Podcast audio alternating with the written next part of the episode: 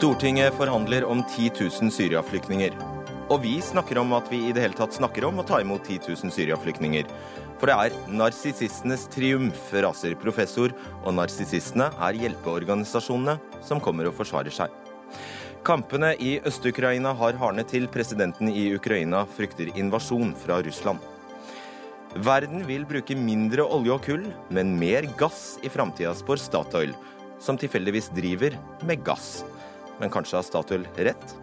Og hvem er det som eh, for noen år siden raljerte over SV som ville invitere Taliban til Norge på kaffeselskap? Jo, Erna Solberg og Siv Jensen, som nå har invitert Taliban på kaffeselskap.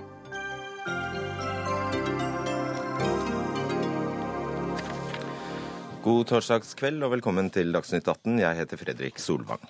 Ja, Forhandlingene mellom de parlamentariske lederne om nye kvoteflyktninger fra Syria ble tatt opp igjen på Stortinget klokka 16 nå i ettermiddag. Det har vært flere møter for å komme fram til et eh, forlik, og for kort tid siden eh, kom partene ut fra dagens møte. Stemmer ikke det, Magnus Takvam, politisk kommentator her i NRK? Jo, det stemmer. De var ferdige for en ti minutters eh, tid siden. Og eh, med litt ulike valører etter som hvem du snakket med, så eh, så var det i hvert fall ikke skal vi si, krisestemning blant partiene. Og det er fremdeles, slik noen av de ser på det i hvert fall, et visst håp Eh, om eh, en bred enighet om, om, eh, en løsning, en pakkeløsning, både når det gjelder økonomi og kvoteflyktninger osv. Men det er ikke, skal vi si, kommet til og satt på spissen enda når det gjelder de aller vanskeligste uenighetene om antall og tempo osv. Hvorfor tar det så lang tid å komme til en avklaring her?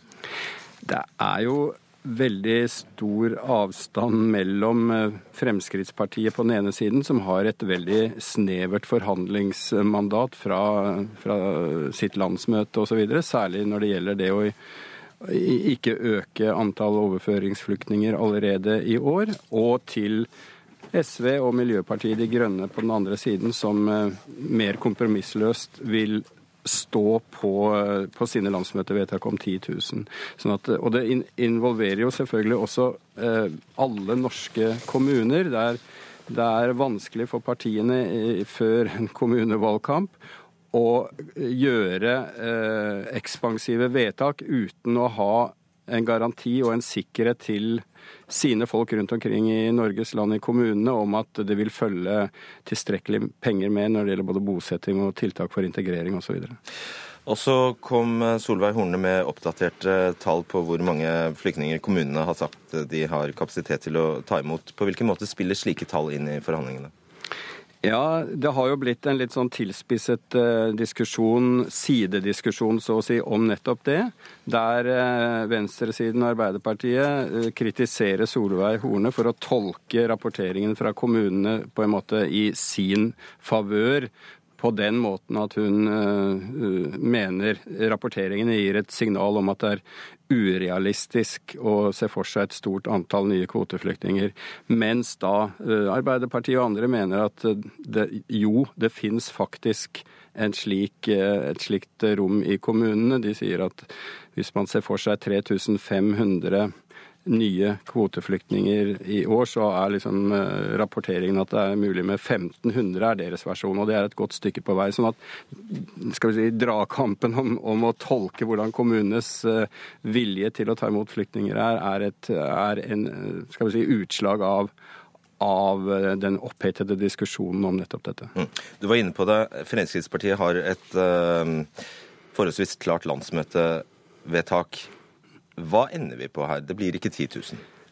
Nei, eh, nå, nå, er det greit å liksom bare minne om, eh, siden diskusjonen dere skal ha etterpå jo handler om det, at det er ingen som går inn for å ikke eh, ta imot eh, kvoteflyktninger fra Syria. Så debatten går ikke på, eh, på veldig mange eller ingen. Det er uenighet om antallet og altså hvor hurtig de første ekstra kan komme.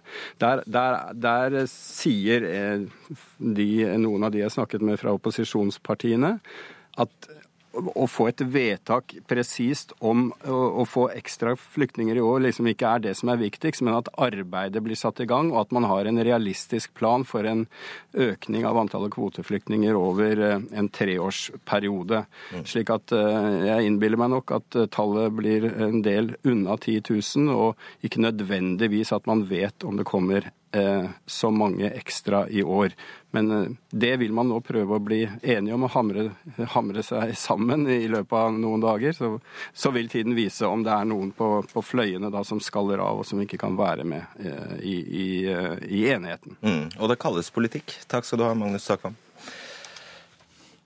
Følgende sto å lese i kronikken 'Narsissismens triumf' i Morgenbladet, skrevet av professor Terje Tvedt. Dersom Norge bestemmer seg for å ta imot 10 000 syriaflyktninger, vitner det ikke om en solidarisk nasjon som noen later til å tro, men om et land som våren 2015 ble overmannet av noen organisasjonslederes vellykkede prosjekt for å iscenesette seg selv som voktere og iverksettere av landets moral ved å organisere en kostbar statsfinansiert dugnad i Norge. Det ville være et betydningsfullt eksempel på hvordan en liten gruppe kunne ta monopol på den gode handling i Norge ved å erobre konseptuelt en global humanitær katastrofe og underordne den sitt eget prosjekt. Terje Tvedt, professor ved Universitetet i Oslo og Universitetet i Bergen. Hvilket prosjekt? Poenget er at alle, dersom de tar utgangspunkt i hva som er flyktningenes interesser, vil si at det viktigste er å hjelpe nærområdene. Det har organisasjonene alltid sagt. Det har FN alltid sagt. Så kommer det da opp et forslag som plutselig, eh, hvorfra er det litt vanskelig å vite, går inn for 10 000 ekstra flyktninger. Ikke kvoteflyktninger. Men vær klar over det, det er ikke snakk om kvoteflyktninger her. Det er snakk om å beskytte kollektivt enkelte grupper, som de sa. Altså, mens alle vil mene at en rett prioritering er å støtte flyktningene i nærområdene, så gikk altså organisasjonene inn for et prosjekt som gikk ut for å bruke 20 milliarder kroner i Norge, mens 1 milliard i nærområdene, eller 1,5. Fortsatt så sier de at det er ikke å prioritere eh, Norge. Det er, det er, fortsatt å prioritere eh, nærområdene. Det lurer jeg på hvordan rett og slett henger sammen. Det er det ene. Og det andre er hvor kommer tallet 10 000 fra? Hvem kom opp med det? Hvilke undersøkelser lå bak det tallet? FN? Dere? Hvor kommer det fra? Vi skal la dem eh, svare om litt. Jeg bare altså, vil påpeke at utgangspunktet ditt for din kronikk altså var åtte organisasjoners eh, kronikk 'Nasjonal dugnad for syriske flyktninger'. Og Den første påstanden du tar for deg, er at det internasjonale samfunnet har sviktet i å gi syrerne beskyttelse. Og da antyder du at dette er slett ikke vår feil? Det stemmer. Altså, tendensen til å redusere alle konflikter i verden til et resultat av hva Vesten gjør, er en form for narsissisme. Det er å tro at det ikke finnes egne historiske subjekter der ute med sine egne prosjekter. Her kommer det til syne eldgamle motsetninger mellom ulike folkegrupper. Mellom tyrkere og arabere, mellom persere og arabere, mellom kurdere og tyrkere mellom religiøse retninger, skiter og sønner osv. osv. Altså, og da tro å være så Han så enkel historieoppfatning at hadde liksom vi støttet demokratiforkjemperne i Syria til å begynne med, så hadde det gått helt annerledes. Altså, hvordan forstår man et samfunn hvis man kan trekke den konklusjonen? Liv Tørres, du er generalsekretær i Norsk Folkehjelp og skrev, under på denne, eller skrev denne kronikken sammen med de sju andre. Mm. Som Tvedt påpeker, eh, dere skriver at Norge bare tar imot én promille av alle som er på flukt. Og eh, så etterlater dere et inntrykk av at det er altfor lite. Og så påpeker Tvedt at dersom Norge skulle tatt imot 10 000 syriske flyktninger, så ville det tallet stige til 3 promille. Han har jo et poeng. Ja, da, Hvis du skal følge den logikken, så mener jo Tvedt at vi da skulle ha bedt om at, at Norge tok imot langt flere. Hvis jeg går ett skritt tilbake og tar utgangspunkt i Terje Tvedts påstand om at vi er selvopptatte, det er det han sier. Det sier han til åtte organisasjoner som har, og nå elleve, som har et betydelig antall mennesker som jobber i nabolandene og inne i Syria, som kjenner denne konflikten på kroppen, har fulgt den politiske utviklingen nå i godt over fire år. Selv har jeg reist regelmessig ned til nabolandene i løpet av disse fire årene truffet syriske flyktninger, politikere osv. Eh, og, og, og det å si at våre ansatte og partnere er selvopptatte der de står og deler ut nødhjelp mens bombene faller, det syns jeg er ganske spenstig, for å si det mildt. Punkt nummer to til antallet 10 000. Eh, vi har bedt om 5000 per år over to år. Utgangspunktet er at Høykommissæren for flyktninger har bedt om at det internasjonale samfunn tar imot de rundt 10% det er ca. 380 000, som er ekstra sårbare som ikke kan få beskyttelse eller hjelp i nærområdene. Så Tvedt kan jo ikke mm. bare hive seg rundt og angripe oss for et tall på 5000 i året, uten da å samtidig kritisere høykommissæren. Der fikk du svaret, Tvedt. Ja, for det første så er det jo sånn at jeg ikke sier at dine, de som jobber i Tyrkia, eller hvor den er, er narsissister. Hvor har du det fra? Poenget er at Ofte så er du vant til å forholde deg litt enkelt til virkeligheten, for at du snakker om land som ingen vet noe særlig om, og som heller ikke kan, kan, kan, kan kontrollere hva du sier. Nei, jeg sier ikke om dere. Jeg kjenner ikke deg. Så jeg er ikke opptatt av din psykologi.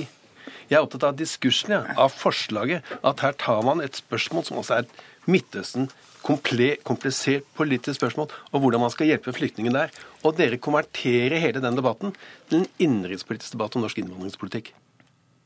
Men, men, men, det er, det er å skape en narsissistisk debatt. Altså Bare en, en, en detalj, Liv Tørres. Altså, du sier, du gjentar nå at dere er til stede. men... Uh, Tvedt påpeker jo faktisk at det stemmer ikke. Eh, dere skriver 'vi arbeider i Libanon', men Amnesty Noahs Care og Kirkens Nødhjelp jobber jo ikke i jo, Libanon. Men altså, kjære venner, ja, men, altså, Han har funnet ja. fram til et par eksempler på den listen som riktignok jobber med rettighetsarbeid og her hjemme, men som ikke har felt feltoperasjoner i akkurat de landene. Det er helt riktig, men, men, de dekker de andre aspektene ved det vi skriver om i artikkelen, og vi står skulder til skulder bak okay. den artikkelen. Ja. Så det er greit. Sam Gjærum, du er kommunikasjons- og markedsdirektør i, i Norges Røde Kors. Mm. Dere mener altså at ni øre per flyktning eh, fra Norge ikke er å prioritere hjelpearbeid i eh, nærområdet. Og Tvedt påpeker da at selv en dobling av det beløpet vil, vil medføre at Norge gir 18 øre. Ja, og Det er da ikke noe argument for at vi ikke skal gjøre det. Altså, Dette er en helt surrealistisk og professoral teoretisk debatt for oss som står midt oppi den humanitære helvete inne i Syria hver eneste dag. Og blir beskyldt for å være selvopptatte og narsissistiske når 50 frivillige fra Røde Kors er drept inne i Syria på oppdrag for å hjelpe andre mennesker. Vi har en helt historisk humanitær katastrofe. Verden har aldri hatt så mange mennesker på flukt noensinne. Bare denne helgen så ble 5000 mennesker plukket opp i Middelhavet og kom til Europa. Mener da Terje Tvedt at vi bare skal stenge grensene og bygge høyere murer og si dere får klare dere sjøl? Som Terje Tvedt skriver i denne kronikken, så er det nærmest syrernes eget ansvar uh, å hjelpe. Vi skal ikke hjelpe. Det er helt surrealistisk. Dette er mennesker som vi har en humanitær plikt til å hjelpe. Tvedt? Altså, jeg må, jeg må, be deg om å lese kronikken. Det har jeg gjort. Jeg, jeg, jeg, jeg anbefaler i hvert fall de som hører fire ganger, Terje Tvedt, og du skriver at dette er narsissismens triumf. Hvordan kan du gjøre det med den situasjonen vi har i verden i dag, hvor mennesker dør ja, for å overleve? Jeg anbefaler de som hører på dette, å lese kronikken. Og så vil jeg da se selvsagt at jeg ikke anklager noen for å være narsissister. Jeg sier at forslaget om man bruker mer penger i Norge på flyktningene. Mm. De som lider, nettopp. Det er en katastrofe der nede. Det er den største humanitære katastrofen i verden. Men hvordan løser det dere problemet? Jo, dere sier at det er dere som er det snille, og så er det vi andre som er realistiske og hardkokte. Nei, det er ikke der motsetningene går. Dere må slutte å dele opp befolkningen ut fra hvem som er snille og hvem som er slemme. Det er spørsmål hva er det beste måten å bruke disse pengene på? Og det er det ikke dere er villige til å gå inn i diskusjon på. For at dere sier fortsatt at jeg, jeg er jeg, sår, jeg sårer dere. Dere som står i konflikten og, og alt dag etter dag. Altså, men Det går ikke an å diskutere et komplisert samfunnsmessig spørsmål på den moraliserende måten. Sorry, det går ikke an. Men, men altså jeg noterer meg at det er to grupper som ber om og insisterer på at vi må ha styrket innsats i nærområdene. Det er sånne organisasjoner som oss, sorry Terje Tvedt, som har bedt om dette i lengre tid, og som også skriver det i den samme artikkelen som du angriper i din når du snakker om narsissismens triumf. Vi har sagt i årevis at det må økt eh, hjelp til i nærområdene og inn i Syria til sivilbefolkningen. Så de har du på den ene siden, og så har du de på den andre siden som kun snakker om økt innsats i nærområdene når spørsmålet kommer opp om også å ta en kvote ekstra til Norge. Vi, har, altså, vi ville gjerne hatt med Terje Tvedt på forespørslene om økt innsats i nærområdene i alle de tre-fire årene vi har snakket om dette tidligere. Libanon, Vi fra Folkehjelpa har understreket gang på gang at det er et enormt behov Eh, for hjelp i nærområdene. Vi har snakket om behovet for også å beskytte de demokratiske okay, lommene som er i regionen. Ja, Kurdistan, vil... Irak og Libanon. Men, men, men, men ikke fått noe drahjelp før nå kommer du på banen. Ja, Men du skjønner det at det er altså ikke snakk om om man skal gi hjelp. Som eh, Takam sa innledningsvis. Alle er for det, i nærområdene og her. Spørsmålet er hvordan skal man prioritere? Og det er der da dere kommer inn. I den situasjonen da det er med Akkurat i dag så kom det i årene hvor det går fra høykommissæren i Irak. Irak er i ferd med å altså, gjennomleve en total kollaps. Og FN ber om mer penger. Mm. For at de har på langt nær de ressursene de skal ha.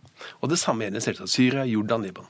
I den situasjonen, akkurat i den situasjonen, så kommer dere opp med Vet du hva? Vi kom på noe lurt. Vi bruker 20 milliarder i Norge, vi. Men, må da si altså, at her er det et problem med, med prioriteringen? Det er ikke sånn at vi plutselig våknet en dag og kom på noe lurt. Vi har sagt hele tiden at det trengs begge deler. Styrket innsats i nærområdene og at det faktisk finnes mennesker i de nærområdene. Vi har sagt Hva skal du gjøre med de 380 000 som da ikke får hjelp og beskyttelse i nærområdene? Et annet aspekt her er bruken av ordet dugnadtvett. Og du uh, gyver løs på Røde Kors og påpeker at de har en svær sparegris. Ja, det er jo velkjent at de sitter på en uh, bankinnskudd på vel to milliarder eh, etter at de drev med dette lotterispillet som ble forbudt. Eh, nei, altså, Det er også noe som er problematisk med disse organisasjonene, at de har begynt å endre karakter i forhold til hva det opprinnelig var. Da var det frivillige organisasjoner. Nå er det jo noe nytt. Et eller annet sted mellom stat og marked. Eh, godt betalte generalsekretærer. Få frivillige, særlig internasjonalt arbeid. Fire millioner i statsstøtte. Nei, fire, milliarder. milliarder i statsstøtte. Og det å da snakke om en dugnad er å misbruke ordet dugnad. For at dugnad, sånn som jeg forstår det, det er at folk stiller opp frivillig. Mens her er det dugnad. La staten betale mer penger. Det er ingen dugnad. Det er å øke statsstøtten. Jeg har lyst til å be Terje Tvedt bli med våre 42 000 frivillige i Norge og se på hva vi gjør for flyktninger. Svar på det. Dere har altså to milliarder kroner på bok. Programleder. Vi bruker av de pengene hvert eneste år nesten 100 millioner på å hjelpe mennesker i nød. F.eks. så bruker vi penger på å hjelpe papirløse, syke mennesker som blir nekta eh, legehjelp eh, av norske myndigheter.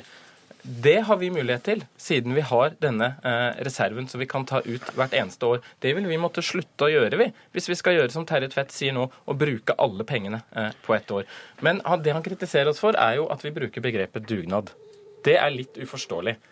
Når dette er eh, store frivillige organisasjoner hvor våre frivillige står klare hver eneste dag, hjelper de flyktninger til å bli integrert, bli tatt godt imot i sine kommuner. Og vi sier vi er klare til å stille opp på en historisk ny dugnad, slik vi gjorde under katastrofen på Balkan. Det gjør vi gjerne igjen. Det mener vi med dugnad. Eh, Tørres, du har ikke fullt så mye penger, så dette, akkurat det aspektet Nei. gjelder ikke deg like mye. Jeg skal ikke kommentere professorenes lønnsnivå heller. La oss ikke det. Et siste spørsmål til deg om UNHCR. Vi er ikke frivillige. Altså, I en situasjon der UNHCR altså mangler 11 millioner kroner bare på å få, å få inn de pengene de har bedt om i nærområdene, så er det jo ulogisk at Norge skal, ikke skal innfri det kravet, eller å innfri et krav om, som FN aldri har, har kommet med, om 10 000 syriaflyktninger her, før vi gir pengene Men de trenger. Men UNHCR har bedt om begge deler. Altså det, er det, det er det vi prøver å si gjentatte ganger. UNHCR og FN ber om økt hjelp til nærområdene og inn i Syria. Og så sier UNHCR og høykommissæren i tillegg at vi i det internasjonale samfunn må være så snill å også ta imot en større andel kvoteflyktninger. Fordi det er tusener på tusener av mennesker i nærområdene som ikke får beskyttelse og hjelp der. Mm. Palestinere som blir sendt tilbake fra Jordan til Syria, fra Jordan, Libanon osv. møter stengte grenser. Altså, det er store grupper som ikke får hjelp i nærområdene. Og når utgangspunktet der er 380 000, og vi sier 5000 i året, så syns jeg jo vi har og he ja. ja. Og helt avslutningsvis, eh, Tvedt. Hva har du oppnådd her? Går de i seg selv, disse organisasjonene? Ja, jeg tror at mange av de egentlig gjør det. Jeg tror at mange i organisasjonene er helt enig med meg. Fordi at de vet at det jeg sier er helt i tråd med den strategien de alltid har stått på. Eh, jeg tror også at de ser at forslaget om 10 000 var en PR-tall. Eh, hadde ikke noe basis utover det. Eh, og jeg ser, tror også at de må tenke seg om, og det tror jeg faktisk de kommer til å gjøre, litt grundigere om neste gang når de tar initiativ til en sånn type aksjon. Vi er veldig glad for at vi er enige om at vi skal hjelpe flere i Syria. Og jeg ja. håper virkelig at herre Tvedt nå begynner å skrive litt kronikker eh, om at vi må hjelpe flere. Eh, eh vi er villige til å hjelpe både her, men det må gå an for en professor å ha to tanker i hodet på en gang. Ja, takk. takk skal dere ha, Liv Tørres, Øystein Jæren og Terje Tvedt. Dagsnytt 18 alle hverdager kl 18.00 på NRK P2 og NRK2.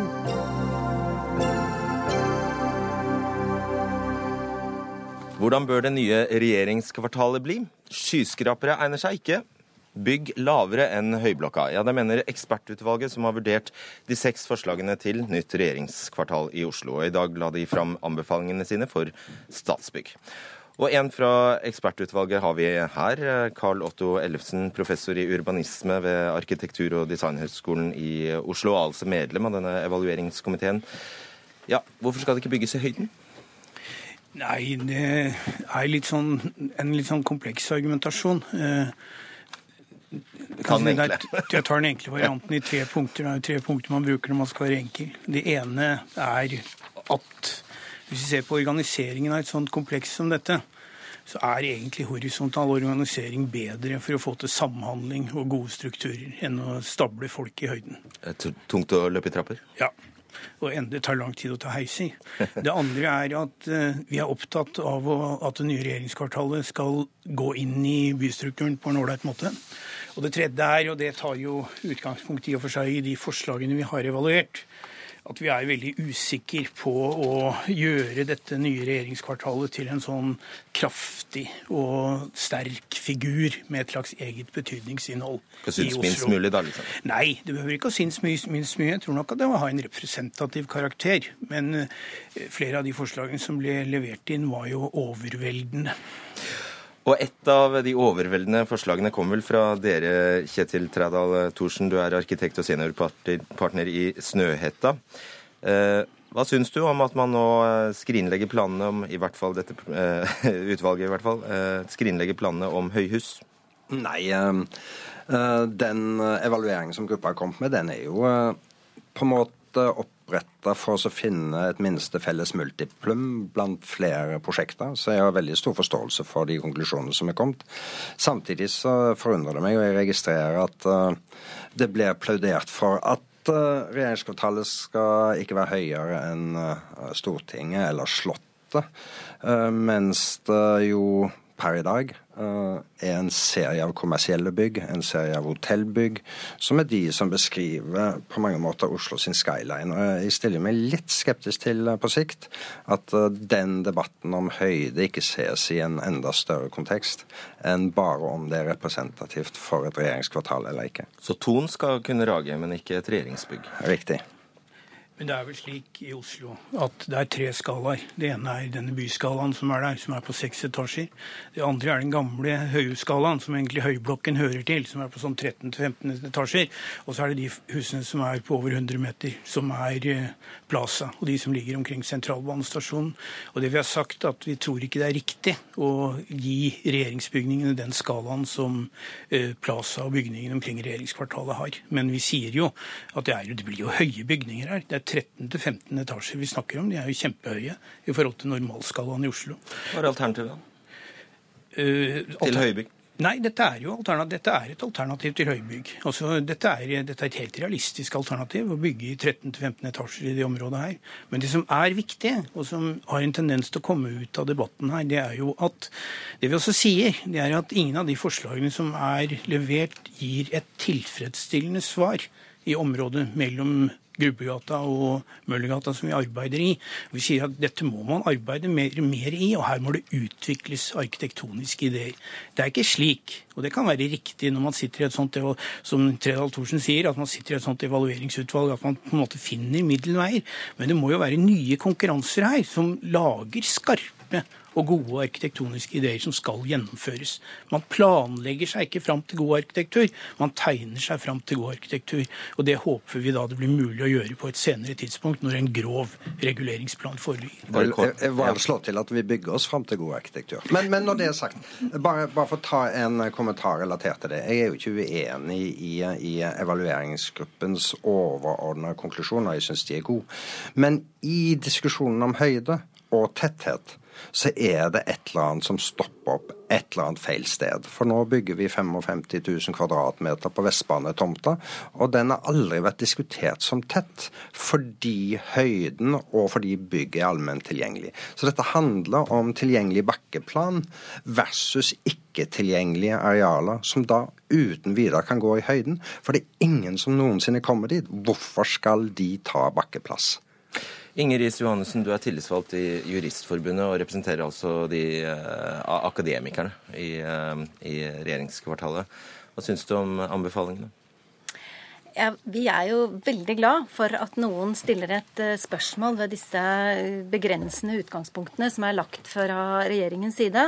Eh, og jeg syns det er veldig interessant eh, at du gir uttrykk for dette med at det går an å tegne seg frem til noen helt andre forslag enn de seks som ligger på bordet. Vi ansatte vi har først og fremst en jobb vi skal gjøre. Eh, vi skal sørge for effektivt eh, å levere produkter med høy kvalitet, slik at regjeringen kan tjene dette landet på en god måte. Eh, og for at landet skal styres på en god måte, så er regjeringen fullstendig avhengig av dyktige og produktive byråkrater. Og da må dere ha store kontorer, eller hvordan er det? Vi må ha de funksjonelle arbeidsplassene som ivaretar de arbeidsoppgavene vi skal utføre. Og mange jurister, og også andre akademikere, de trenger f.eks. ro. De trenger å utføre konsentrasjonsarbeid. De har ofte sterke personvernhensyn de må ivareta. Og de har også behov for å ivareta sikkerhetsspørsmål generelt. Men har dere eh, høydeskrekk? Vil... Tar, tar, du stilling til om dere vil jobbe Nei, i høyden? Det er også en av de viktige tingene som vi ikke uh, går inn i. Det er ikke et spørsmål for de tillitsvalgte å ta stilling til om det skal bygges høyt eller lavt. Vi er opptatt av å få funksjonelle uh, kontorplasser, og at de som mange av de ansatte de, det betyr det at de skal kunne utføre disse oppgavene, at de trenger en fast plass, mange. At de trenger skjermede plasser, og at de trenger også mange vil trenge cellekontorer. Eh, og det er en, en, premiss som gjør at når man, eh, slik man nå konkluderer med, at eh, det ikke bør være høye, høye hus, og det stiller ikke vi noe spørsmål ved, men da ser vi også at det er veldig viktig at man stiller spørsmål ved disse begrensende forutsetningene som er lagt, nemlig at man må gå ut og vurdere et større areal å ta i bruk, enten til nybygg eller ved at man fortsetter å bruke en del av de bygningene i området som man disponerer i dag, og også andre bygninger som er et potensiell mulighet. Hva er deres svar på det? Er det mulig å samle alle departementene unntatt ett, og, og samtidig ivareta de behovene de ansatte har? Det som er riktig, det er at det i hvert fall er mulig å utvide tomtearealet. Det er mulig å bygge på andre siden av Ring 1, og det er betydelige tomtearealer der. Det medfører økte kostnader fordi staten må erverve.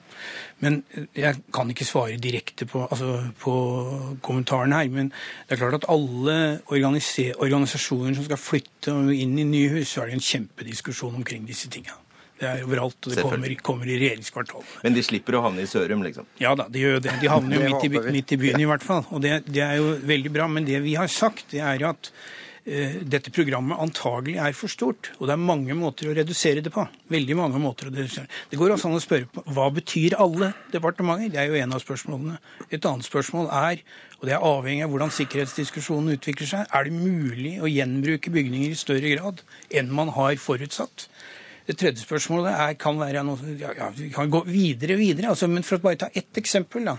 Hvis man begynner å diskutere en framtid med enda større grad hjemmebasert arbeid og databaserte arbeidsplasser, og eh, så, kommer, så, vil man neppe beregne eh, disse programmene ut fra en forutsetning at alle er på arbeid samtidig og at alle har sine egne arbeidsplasser. Reduserer man 10% så reduserer man 10 000 kvadratmeter. Jeg, synes jeg, hører, jeg ser deg ikke, Tredal Thorsen, men jeg syns jeg hørte det nikket.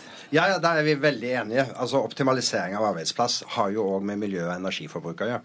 Sånn at uh, du kan tenke deg brukt areal som, eh, eller bygd areal som står tomt, det er, generell, eh, det er, et generelt energiforbruk. Så dette har jo veldig mye med miljøtankegang å gjøre, faktisk å optimalisere bruk av areal. Men når det igjen er sagt, så er det, ser jeg at i oppsummering konkluderer evalueringsgruppen med 60 000 kvadratmeter på denne tomta i første uh, Sørføring 1. Det er virkelig plass til mer. Uh, Dagslys-arealer. 60 000. Ja, jeg ser det. Men det er plass til mer, og jeg syns at den er veldig lav. For det, det er det faktum uh, ikke større tetthet enn det du kanskje har på Aker Brygge eller på Tjuvholmen, og mindre tetthet enn det du har der. Så, okay. ja. Uh, helt til slutt, Riis Johannessen. Når tror du, altså Er det i dette århundret vi kommer til å realisere dette, tror du?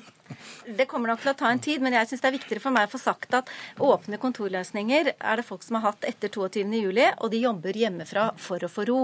Og hvis poenget med å samle oss i regjeringskvartalet er for å styrke samhandlingen, kunnskapsdeling og felles løsninger, og så skal folk velge å måtte sitte hjemme for å få ro, hvilket eh, du, da oppnår du da denne samhandlingen ved å plassere folk sammen når de faktisk ikke kommer til å være her? Men kanskje er det dine barnebarn dette kommer til å gjelde. Takk skal dere ha, Karl Otto Ellefsen, Inger Riis Johannessen og Kjetil Tredal Thorsen.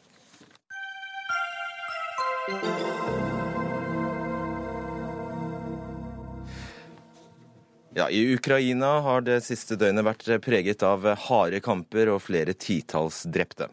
Opptrappingen av konflikten er i strid med våpenhvilen mellom partene. Og i dag sier Ukrainas president Petro Porosjenko at det er fare for en full invasjon av Ukraina. Morten Jentoft, du er eh, Moskva-korrespondent. Eh, hvorfor har kampene hardnet til nå?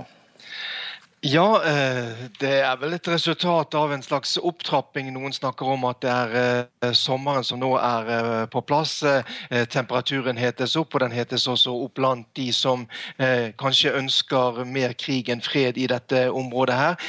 Det har lenge vært en, mange som har advart om at akkurat når våren har forbi, marken har stivnet, ja, så vil det kunne bli nye harde kamper. Samtidig så ser vi jo det at at det har vært en eh, Vi har hatt nå en periode på to-tre måneder, eh, kanskje fire måneder, med relativt ro langs frontlinjene.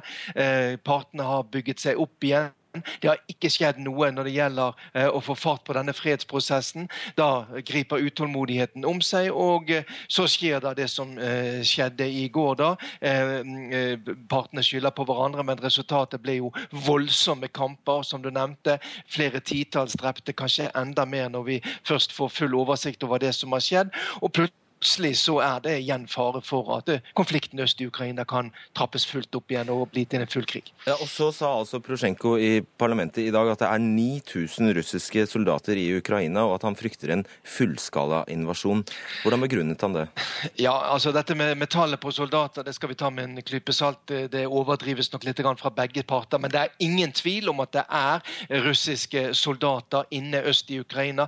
Kanskje først og fremst eh, spesialsoldater soldater av den typen som ble tatt til fange av uh, ukrainske styrker for noen, uh, noen, uker siden. I tillegg til det så ser vi at Russland har forsynt separatistene trolig med nye og tyngre våpen. Det er det kommet flere bevis på den siste tiden. Og det, Alt dette gjør da at Porosjenko går ut og sier at nå er det igjen da fare for en full opptrapping. Vi har sett tidligere, i august i fjor, i januar-februar i år, at russiske styrker i perioder har gått inn med artilleri for å støtte de prorussiske separatistene. Og det er vel det man frykter fra ukrainsk side Kanskje igjen. Mm. Jon Ferseth, du er journalist og forfatter av boka 'Ukraina landet på grensen'. Eh, det er vel ganske åpenbart Prosjenko har en uh, klar interesse av å overdrive situasjonen? Altså, Hvor mange russere som er inne der, det er jo vanskelig å si sikkert. Men uh, dette er jo tall han har kommet med før. Han kom vel med det i februar også. Og at det er mange russiske soldater inne, det er nok liten tvil om. Man har jo f.eks. Uh, rapporten til uh, Boris Nemtsov som snakket om uh, 200 døde. Man har organisasjonen Soldatmødrene som har snakket om et ganske stort antall både skadede og døde. Snakker om, soldat, om rekrutter som har blitt tvunget til å underskrive erklæringer om taushet. Så at det er russiske styrker inne, det er det ingen tvil om. Så får vi heller se på hvor høyt tallet er. Mm. Du er ofte der i Ukraina, og senest nå i eh, april. Denne frykten for en russisk invasjon, deles den av folk flest? Det tror jeg nok den gjør. Eh, det er nok grunn til å tro. Det er jo også de som frykter tilsvarende separatistvirksomhet andre steder, f.eks. i Bessarabia ved grensen til Moldova, selv om det neppe er momentum nok til å få i gang noe sånt som i, uh, som i Donetsk og Luhansk. Så det er helt åpenbart. altså, Hva som egentlig skjer der, det tror jeg er umulig å forutsi, og jeg er ikke heller sikker på om det finnes en klar russisk plan heller. Mm. Jentoft, eh, hvor dyp er denne brønnen eh, eh, Putin kan altså, hvor, hvor, mye har, har Putin å tjene på innenrikspolitisk å eskalere denne konflikten? Ja, I Russland så er det populært å støtte de prorussiske separatistene. Han har en ganske brei folkeopinion i ryggen eh, som mener at eh, nå må de eh, nasjonalistiske ukrainerne stoppe. Samtidig er det veldig interessant å se det som har skjedd i Russland den, de siste ukene, der man tydeligvis har nå gitt opp denne ideen om et Novorossia, altså en slags egen eh, russisk-dominert bufferstat i grenseområdet mellom Ukraina og Russland, og at man fra russisk hold sier det at eh, Donbas-området, eh, det, det, som nå kontrolleres av de poruske separatistene, det skal da være en del av den ukrainske statsdannelsen. Så spørs det da hvordan man skal få til dette dette uten at noen av partene skal tape æren? Må det flyte mer blod? Må det mer krig til? Må separatistene kanskje, eller ønsker de å styrke sin posisjon ytterligere før eventuelt nye forhandlinger? Det er det da ingen som vet. Og som det ble nevnt her, det er en konflikt der man ikke alltid har helt kontroll på styringen, der utviklingen på bakken kan ta sin egen vei. Og det er jo det mange frykter kan skje akkurat nå.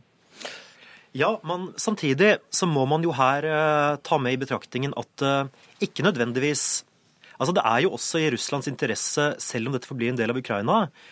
Det vil jo da kunne bli et slags republika srpska, som i Bosnia, ikke sant, som vil være en måte å ha en En slags lydrike? Et lydrike, eller ha en hånd med på rattet. Kunne stoppe utvikling som går i en retning man fra russisk hold ikke liker, f.eks. Det er jo veldig liten tvil om at disse utbytterrepublikken i stor grad styres fra Moskva. Helt til slutt, eh, Jentoft, Det er altså planlagt et møte senere den måneden i regi av eh, OSSE som har som mål å få fart på fredsprosessen. Er det grunn til å tro at det blir noe av det? Det gikk veldig dårlig i tidligere uken eh, da man prøvde å komme sammen i Minsk nettopp for å få eh, fart på fredsprosessen. Da eh, trakk plutselig den russiske deltakeren på dette møtet seg. Så eh, det er ikke det helt store håpet om dette, men det er det eneste håpet man klamrer til. Det er bare OSSE som har en slags fredsprosess gående her, da, hvis da ikke det blir noe mer ut av den dialogen som vi har sett direkte mellom amerikanere og russere når det gjelder Ukraina. Takk skal dere ha, Morten Jentoft og Jon Færseth om Ukraina. Hør Dagsnytt 18 når du vil. Radio NRK Radio.nrk.no.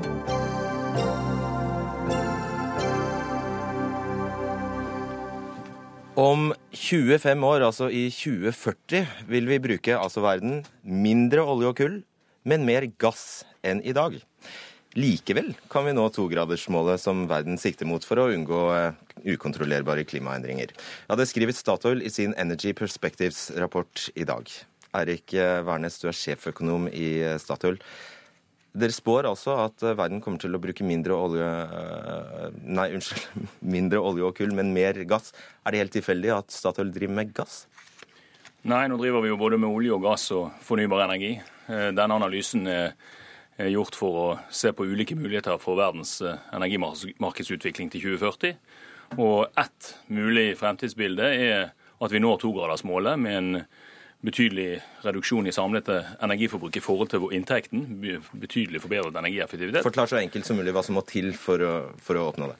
Det som må til for å oppnå det, er en betydelig omlegging av verdens energisystemer, drevet av omlegging av politikk, eh, betydelig teknologiutvikling, vesentlig mindre energiforbruk for hver enkelt bil, hver enkelt eh, utstyr som krever energi. Eh, og en betydelig endring i, i, eh, måten vi bruker energi på som energiforbrukere, og måten vi produserer energi på som energiprodusent. Så det er en del ting som skal klaffe? Altså. Veldig mye. Det er veldig krevende, et veldig krevende mål, som kan være mulig å nå, men da krever det betydelig omlegging. Anders Bjartnes, du er redaktør for Energi og klima, som gis ut av Norsk Klimastiftelse. Og Da du så denne energirapporten fra Statoil, så sa du at det er faktisk den grønneste rapporten fra et oljeselskap du noensinne har sett? Ja, jeg, jeg tror dette altså Jeg ser en veldig positiv utvikling jeg, hos Statoil eh, de siste månedene etter at Eldar Sætre overtok som toppsjef. Eh, Statoil tar klima på alvor i en annen grad enn før, og, og mer på alvor enn noen av de andre store oljeselskapene. De erkjenner at fornybar energi vil ha mye større vekstpotensial eh, framover enn fossil energi, og varsler steg i den retningen. Så, så jeg syns Statoil fortjener litt eh, ros for det taktskiftet som har skjedd de siste månedene. Krisetaket. Og ja, og, og, og jeg, Det var også en veldig interessant formulering fra Sæter i Dagens Næringsliv i dag, i det store intervjuet med han der. Han sier vi skal gjennom vår forretning bidra til at verden når togradersmålet. Det er eh, veldig fint at eh, Statoil har kommet så langt i sin eh, erkjennelse. Og Hva er ditt svar på spørsmålet? Er det forenlig, som Statoil hevder, å nå togradersmålet og samtidig produsere mer gass? Altså, jeg tror at det er, liksom, det er ingen tvil om at vi får en kraftig nedgang i kull. Mm. Det har vi sett. altså Det er jo veldig positive tall fra Kina. altså Kinesiske kullforbruket falt i 2014. Det har fortsatt å falle i år. Eh, det faller i USA, det faller i Europa. Det er game over. Det er på en måte ferdig. Og så, og så, er spørsmålet hva skjer med gassen. Det er veldig usikkert. Altså Statoil skriver jo her eh, i rapporten sin at de tror at, at Europa aldri kommer tilbake på 2008-nivå. I USA så, så, så er Hva mener du med det? Nei, altså, 2008-nivå av hva? Da var det, altså Gassforbruket okay. i Europa kommer ikke tilbake på det nivået de hadde, hadde i 2008. I USA så har jo gass vokst veldig på bekostning av kull de siste åra. Og spørsmålet er på en måte når so, so, fornybar energi i kraftproduksjon overtar både for, for kull og gass. Altså Den store X-en er jo er jo Asia, Kina, India. Hva som skjer der, veldig vanskelig å si. Fredrik Hauge, leder i Miljøstiftelsen Bellona. Hva er ditt svar på dette her? Er det mulig? Det er mulig. Eh, og jeg er enig i at denne analysen er bedre enn andre vi har sett. Men jeg mener fortsatt at det legges til grunn en for lineær utvikling på en del teknologiområder. Hva betyr det? Det betyr at de som sitter fra oljesektoren og Det internasjonale energibyrået gang på gang har undervurdert fremveksten i prisutviklingen på de nye teknologiene. Og Det er jo det som gjør at vi kan ha mer håp nå, kanskje på noen områder. Det at handlingsrommet teknologisk og prismessig har blitt mye større.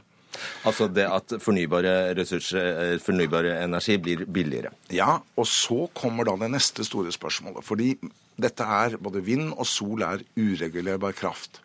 Og Det betyr at vi må ha en kraftkilde som balanserer dette. Og da har vi ikke så mange alternativer. Det er atom, det er batterier, det er bio, og det er kull og gass.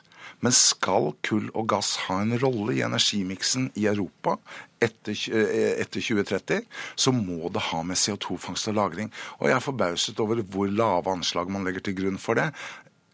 Jeg er også ganske sikker på at man legger til grunn en altfor dårlig utvikling når det gjelder batterier. Jeg tror batterier kommer til å bli ekstremt stort fram mot 2035, og kommer til å ta en del av den rollen som gass er tenkt i Statoil-scenarioer.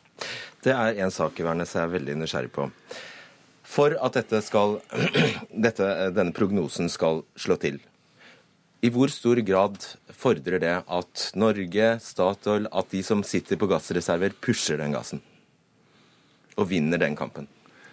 Nei, jeg, jeg tror i, i, stor grad så er det jo spørsmål om eh, hvilke rammebetingelser som legges til grunn, og hvordan markedene her kommer til å fungere. Og, og da tror jo vi at med en fornuftig og en effektiv energi- og klimapolitikk globalt, som bl.a. setter en fornuftig pris på karbon, så får du til en ridning i etterspørselen som vil være til gass sin fordel.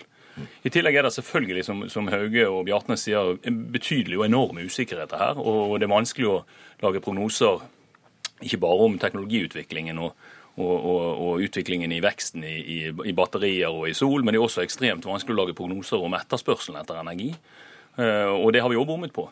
Både IA og oss var ingen av oss som forutså at, at, eh, internasjonale kinesiske turister skulle vokse fra 10 millioner i 2000 til 110 millioner i fjor. Hvis den vekstraten fortsetter, så har vi 9 milliarder kinesiske turister i 2040. Det tror ikke vi på. Og det er litt av det samme. Det er veldig vanskelig å lage prognoser om den type betydelige endringer som vi ser både på teknologisiden, på tilbudssiden. Skiferoljeutviklingen i USA, veldig få som forutså. Og det er også veldig få som kommer til å forutsi riktig de utviklingstrekkene som vi nå ser i fremvoksende økonomier, som ikke bare Kina, men også India og resten av Asia, og så kommer Afrika og Latin-Amerika. Mm. Og da, det, Derfor så legger vi frem flere fremtidsbilder for utviklingen her, og håper at vi har noenlunde rett. Og, og unngår å ha helt presist feil. Bjartnes, eh, hvis Statoil eh, har rett i at eh, gassetterspørselen i 2040 blir 15 høyere enn i dag, så er vel det godt nytt både for Statoil og Norge? Ja, men det kommer jo dette her ja, Godt nytt og godt nytt. Altså, det, det, jeg tror gass her har, en, har en kost, et kostnadsproblem. Og hvis du sitter, La oss si at du sitter i, i Italia eller i Frankrike, da, og så, og så, skal du ha strøm. Og så har du sol, so, mye solenergi etter hvert, og så kan du, kan du bruke batterier eh, når sola ikke skinner.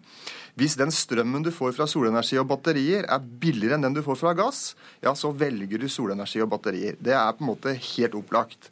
Og I den sammenhengen er jo spørsmålet om det lønner seg, om det vil lønne seg, om det vil være god forretning for Statoil og Norge å utvikle gassressurser f.eks. i Barentshavet. Der, det tror ikke jeg noe på.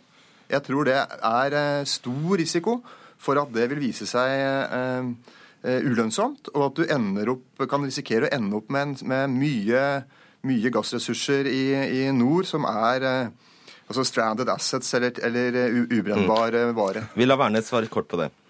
Ja, At, at det er prisusikkerhet om, om, mange av disse faktorene, er det jo ingen tvil om. Og, og Derfor så jobber vi jo med å få ned kostnadene på det vi holder på med uansett.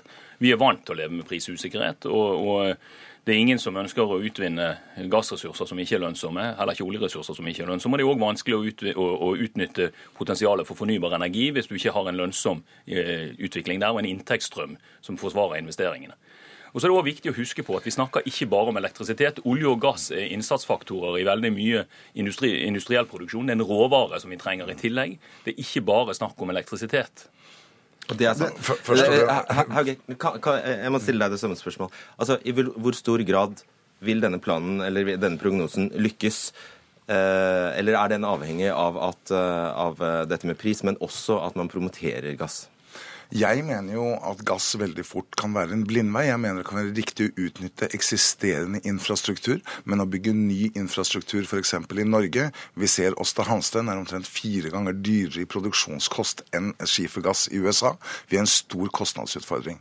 Så jeg har lyst til å si at i det energimarkedet som vi nå får, så er det betydelige grid, altså nettutbyggingskostnader å spare ved lokal energiproduksjon. Jeg er opptatt av at det kommer til å være, ja, en fossil del eller en atomdel eller veldig mye batterier for å balansere dette og tro mange undervurderer de siste prosentene med å lage samfunnet vårt fornybart. For vi trenger denne balansekraften. Det er forferdelig trist at Statoil har krasja månelandingsprosjektet på Mongstad, som hadde vist at vi kunne rense gass. Da hadde det vært veldig mye mer attraktivt i energimiksen. Hvis vi kan begynne å produsere store mengder biogass og blande inn i gassen vi eksporterer, f.eks. fra tang- og tareproduksjon, ja, da er det mer sannsynlig. Men urenset gasskraftproduksjon etter 2035 passer ikke inn i den europeiske energimiksen, og vi må passe oss for å ikke lokke oss inn. Så har jeg gått gjennom mange energianalyser de siste årene. Og det er BP har sin, og Shell har sin, og McKinsey lager sine, og Internasjonale energibyrået. De har alle sammen lagt til grunn en lineær utvikling på fornybar energilagring som har vist seg å være undervurdert. De har Så tatt feil. er også, de har tatt feil. Så mener jeg også denne Statoil-rapporten gjør. Vi vil se en helt annen, eh, eh, mer hockeykølleeffekt på en del av teknologiutviklingen. Kostnadene på batterier er halvert de siste fem årene. Dette kommer til å lage en effekt i kraftmarkedet som blir meget stor for oljeindustrien. Bjartnes, eh, hvor mye står på spill for Statoil? Hva skjer hvis de tar feil?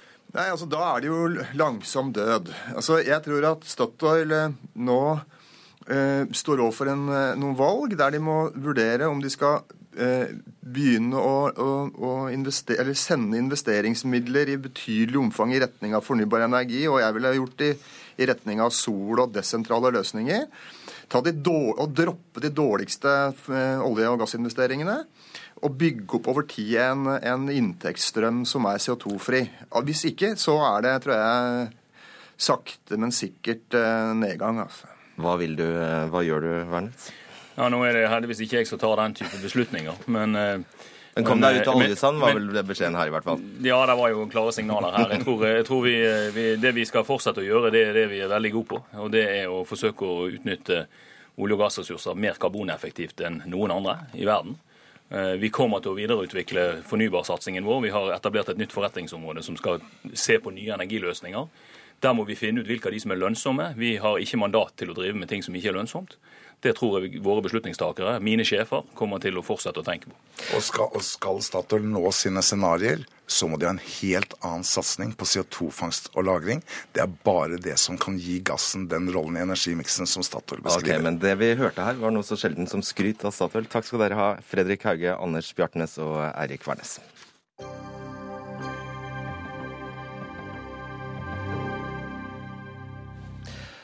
Da SV i 2008 ville invitere Taliban til forhandlinger, svarte Erna Solberg. SV viser her at de har en arrogant og påfallende udemokratisk holdning overfor Afghanistan. Å forhandle med Taliban og beholde et demokrati i Afghanistan, nei, det tror jeg ikke noe på. Hun sa også dette er et moralsk valg. Jeg syns ikke det er riktig å bidra til en løsning som kan føre til at situasjonen blir som den var før, at Taliban kommer tilbake og vi får redselstilstander for kvinner. Og året etter sa Siv Jensen dette.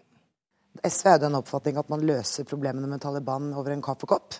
Det mener jeg er i overkant naivt. Men eh, gjett hvem som har invitert Taliban til en kaffekopp i Oslo? Jo, Erna Solberg og Siv Jensen.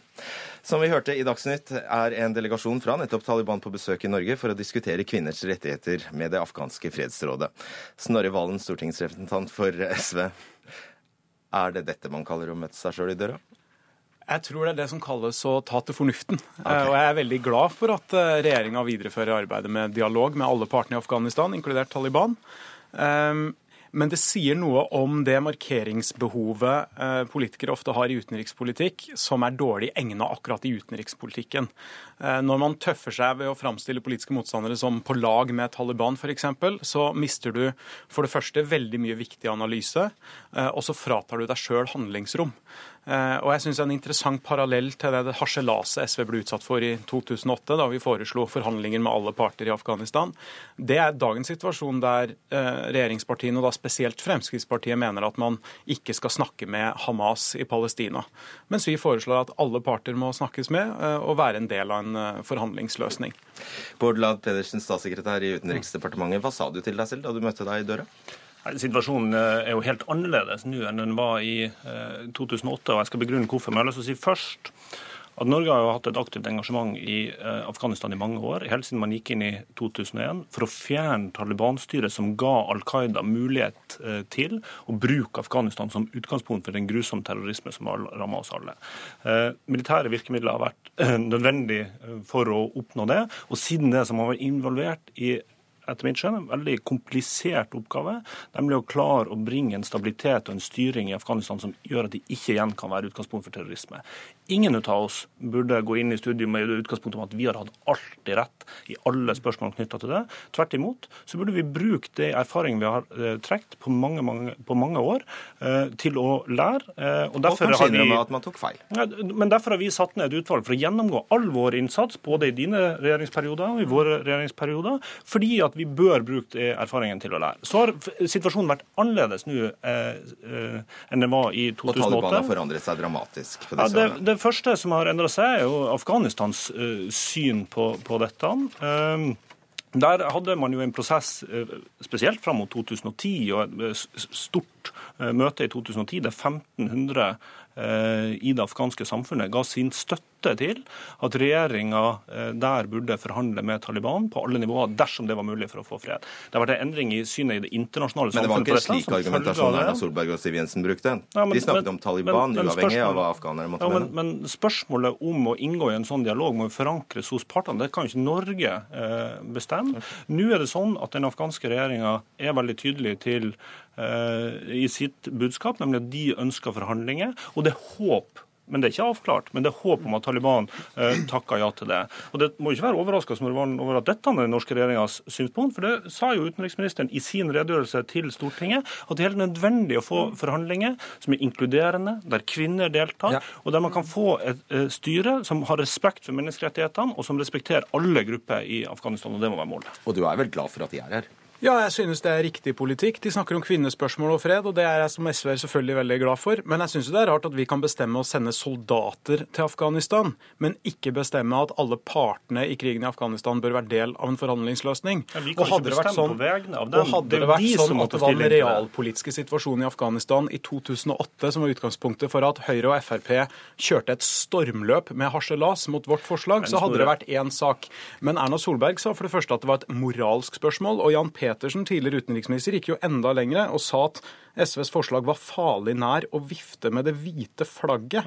Og Det er å antyde at SV foreslo å kapitulere for terroristiske krefter som Taliban. Det er en fullstendig fordumming av den utenrikspolitiske debatten, og jeg ser spor av det samme f.eks. i Stortinget forrige uke, når representanter fra Fremskrittspartiet antyder at Arbeiderpartipolitikere går god for Hamas sine terrormetoder. Vi kan ikke ha det sånn i utenrikspolitisk debatt, og derfor burde både Høyre og Frp innrømme at de tok feil, og slutte å bruke terrorbevegelser i utlandet Nei. som en slags sånn der signalpost for å distansere seg fra politiske motstandere i Norge. Jeg har forklart hvorfor situasjonen i Afghanistan er helt annerledes enn i 2008, og hvorfor den afghanske regjering har eh, eh utvikla en posisjon som handler om å inngå i en dialog, og der vi bare kan eh, støtte. Og så syns jeg ikke Snorre Valen du skal være så opptatt av hva som skjedde i 2008, for nå er vi i 2015, og spørsmålet er hvordan kan vi bevege oss herifra mot eh, fred og stabilitet i eh, Afghanistan. Han husker godt, da.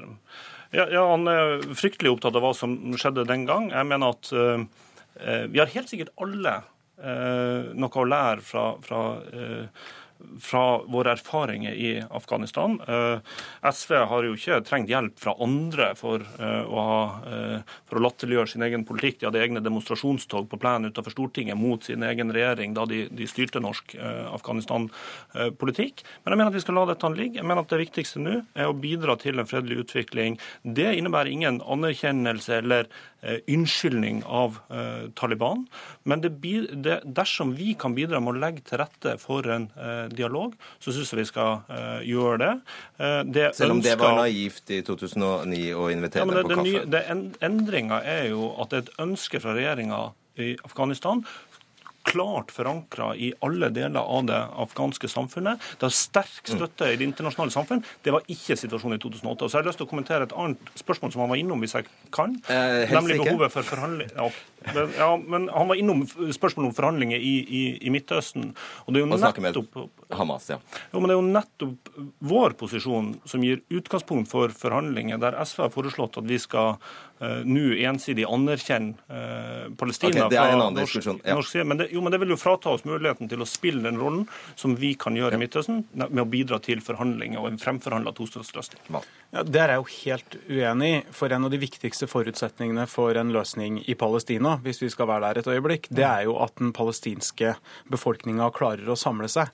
Det kan ikke Norge bidra til når det ene regjeringspartiet nekter for enhver kontakt med den ene parten i konflikten i Palestina. Så kan du gjerne si at jeg er veldig opptatt av fortida, men jeg er veldig opptatt av hva dette skal fortelle oss om Eh, vår tid i dag. Og jeg tror Høyre hadde vært tjent med en litt mer ydmyk tilnærming i det spørsmålet her.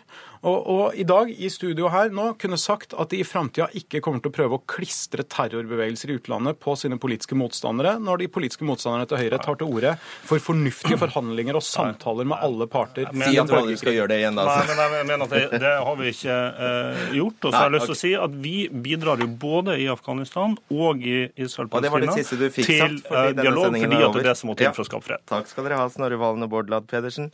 Ansvarlig for Dagsnytt 18 i dag var Gry Veiby. Erik Sandbråten satt i teknikken, og jeg heter Fredrik Solvang.